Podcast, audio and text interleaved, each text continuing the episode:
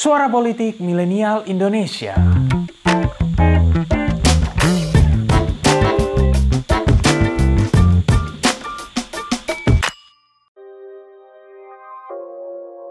Pembuat hoax terbaik adalah penguasa. Hmm, kalimat itu yang mengantarkan Rocky Gerung mendapatkan tempat tersendiri dalam diskursus politik nasional. Ada berbagai istilah yang identik dikutip dari Rocky, mulai dari IQ sekolah, dungu, hingga akal sehat.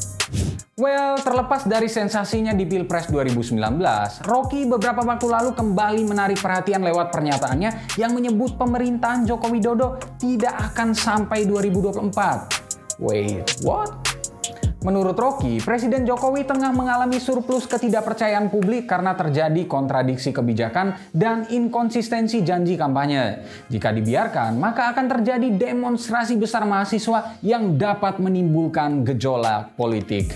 Baru-baru ini Rocky kembali mengeluarkan prediksi serupa. Kali ini ia menyinggung soal utang negara yang sebentar lagi dapat mencapai 10 ribu triliun rupiah. Rendahnya tax ratio, masifnya korupsi, dan pembelahan sosial di tengah masyarakat. Dalam terang psikologi, prediksi Rocky dapat dipahami melalui tulisan Lawrence Samuel yang berjudul Why Do We Think So Much of the Future? Menurutnya, masa depan telah berfungsi sebagai tempat untuk menampung ketakutan terburuk ataupun harapan manusia.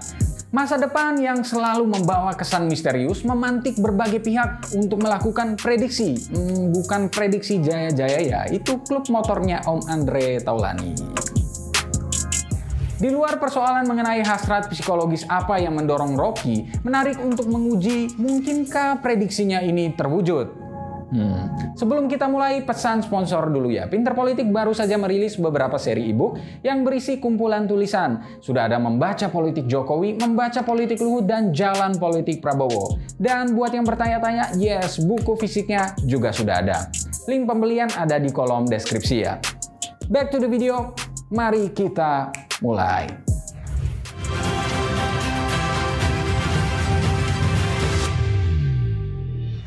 Selain Rocky, ada Amin Rais yang juga mengingatkan jangan sampai Presiden Jokowi berakhir kurang elegan seperti kejatuhan Soeharto. Kemudian tokoh lain adalah ekonom senior Rizal Ramli atau RR yang juga kerap mengaitkan proses kejatuhan Soeharto dengan pemerintahan Jokowi. Menurut RR, gelombang demonstrasi mahasiswa yang berhasil menjatuhkan Soeharto terjadi hanya dalam waktu 20-an hari. Tegasnya, kondisi mengejutkan seperti ini sangat mungkin terjadi lagi. Hmm, tentu pertanyaannya, mungkinkah demikian?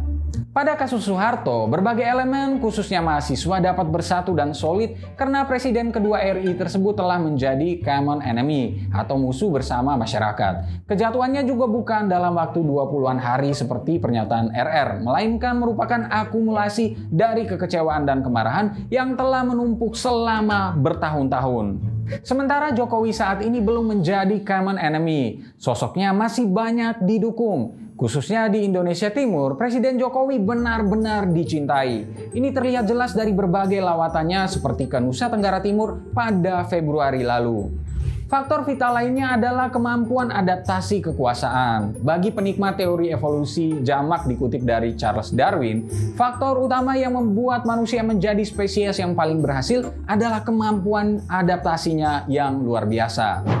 Di ranah politik, kemampuan adaptasi ini juga terlihat. Francis Fukuyama dalam bukunya The Demand for Dignity and the Politics of Resentment awalnya menaruh ekspektasi yang tinggi terhadap internet untuk menyebarkan nilai-nilai demokrasi. Namun, seiring waktu, khususnya setelah ledakan media sosial, Fukuyama melihat teknologi komunikasi ini justru digunakan berbagai pemerintahan dunia untuk mengontrol masyarakat. Pada kasus Soeharto, saat itu informasi masihlah terbatas dan hanya bersumber dari media tradisional seperti radio, koran, dan televisi. Ini membuat masyarakat memiliki fokus informasi dan mudah menentukan posisi. Sementara saat ini, di era new media, di mana media sosial bahkan menyaingi media massa, masyarakat mengalami kebanjiran informasi, begitu banyak perspektif dan sudut pandang. Alhasil, alih-alih mempermudah mobilisasi massa dan penguatan aksi, media sosial justru menjadi bumerang karena dapat membelah gerakan massa dengan perang narasi yang ada. Persoalan ini jelas terlihat dari demonstrasi besar revisi UU KPK pada September 2019 ataupun pengesahan UU Cipta Kerja pada Oktober 2020.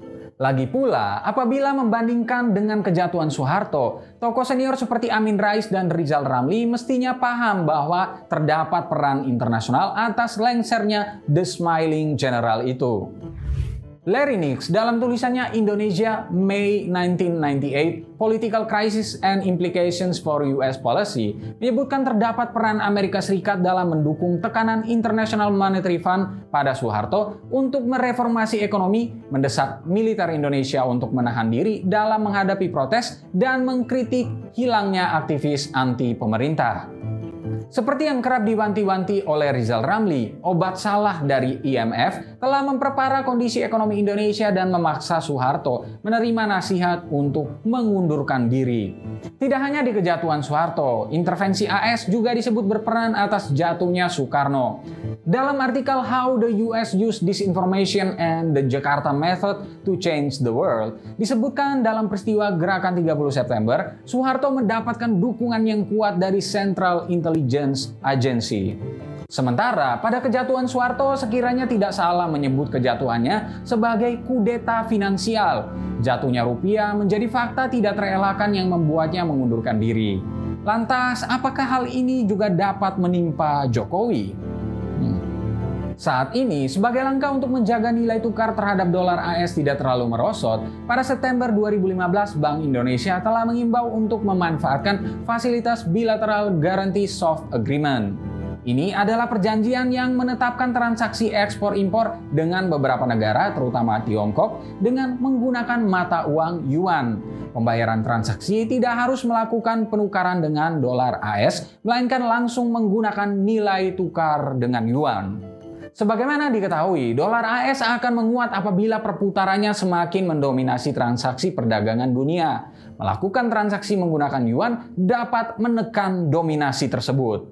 Well, mengacu pada variabel-variabel yang ada, khususnya intervensi asing, harus diakui prediksi Rocky akan sulit untuk terjadi. Saat ini hubungan pemerintahan Jokowi dengan masyarakat internasional juga terlihat baik. Indonesia bahkan menginisiasi konferensi tingkat tinggi ASEAN untuk membahas konflik di Myanmar beberapa waktu lalu. Ini dengan jelas sejalan dengan visi Presiden AS Joe Biden yang ingin membalikan negara Paman Sam sebagai penjaga demokrasi dunia. Nah, lalu bagaimana menurut kalian? Apa pandangan kalian soal ramalan Rocky Gerung itu? Berikan pendapatmu. Terima kasih telah mendengarkan episode kali ini. Nantikan episode-episode selanjutnya dan jangan lupa untuk kunjungi pinterpolitik.com untuk dapatkan informasi seputar fenomena politik di Indonesia. See you next time and bye-bye.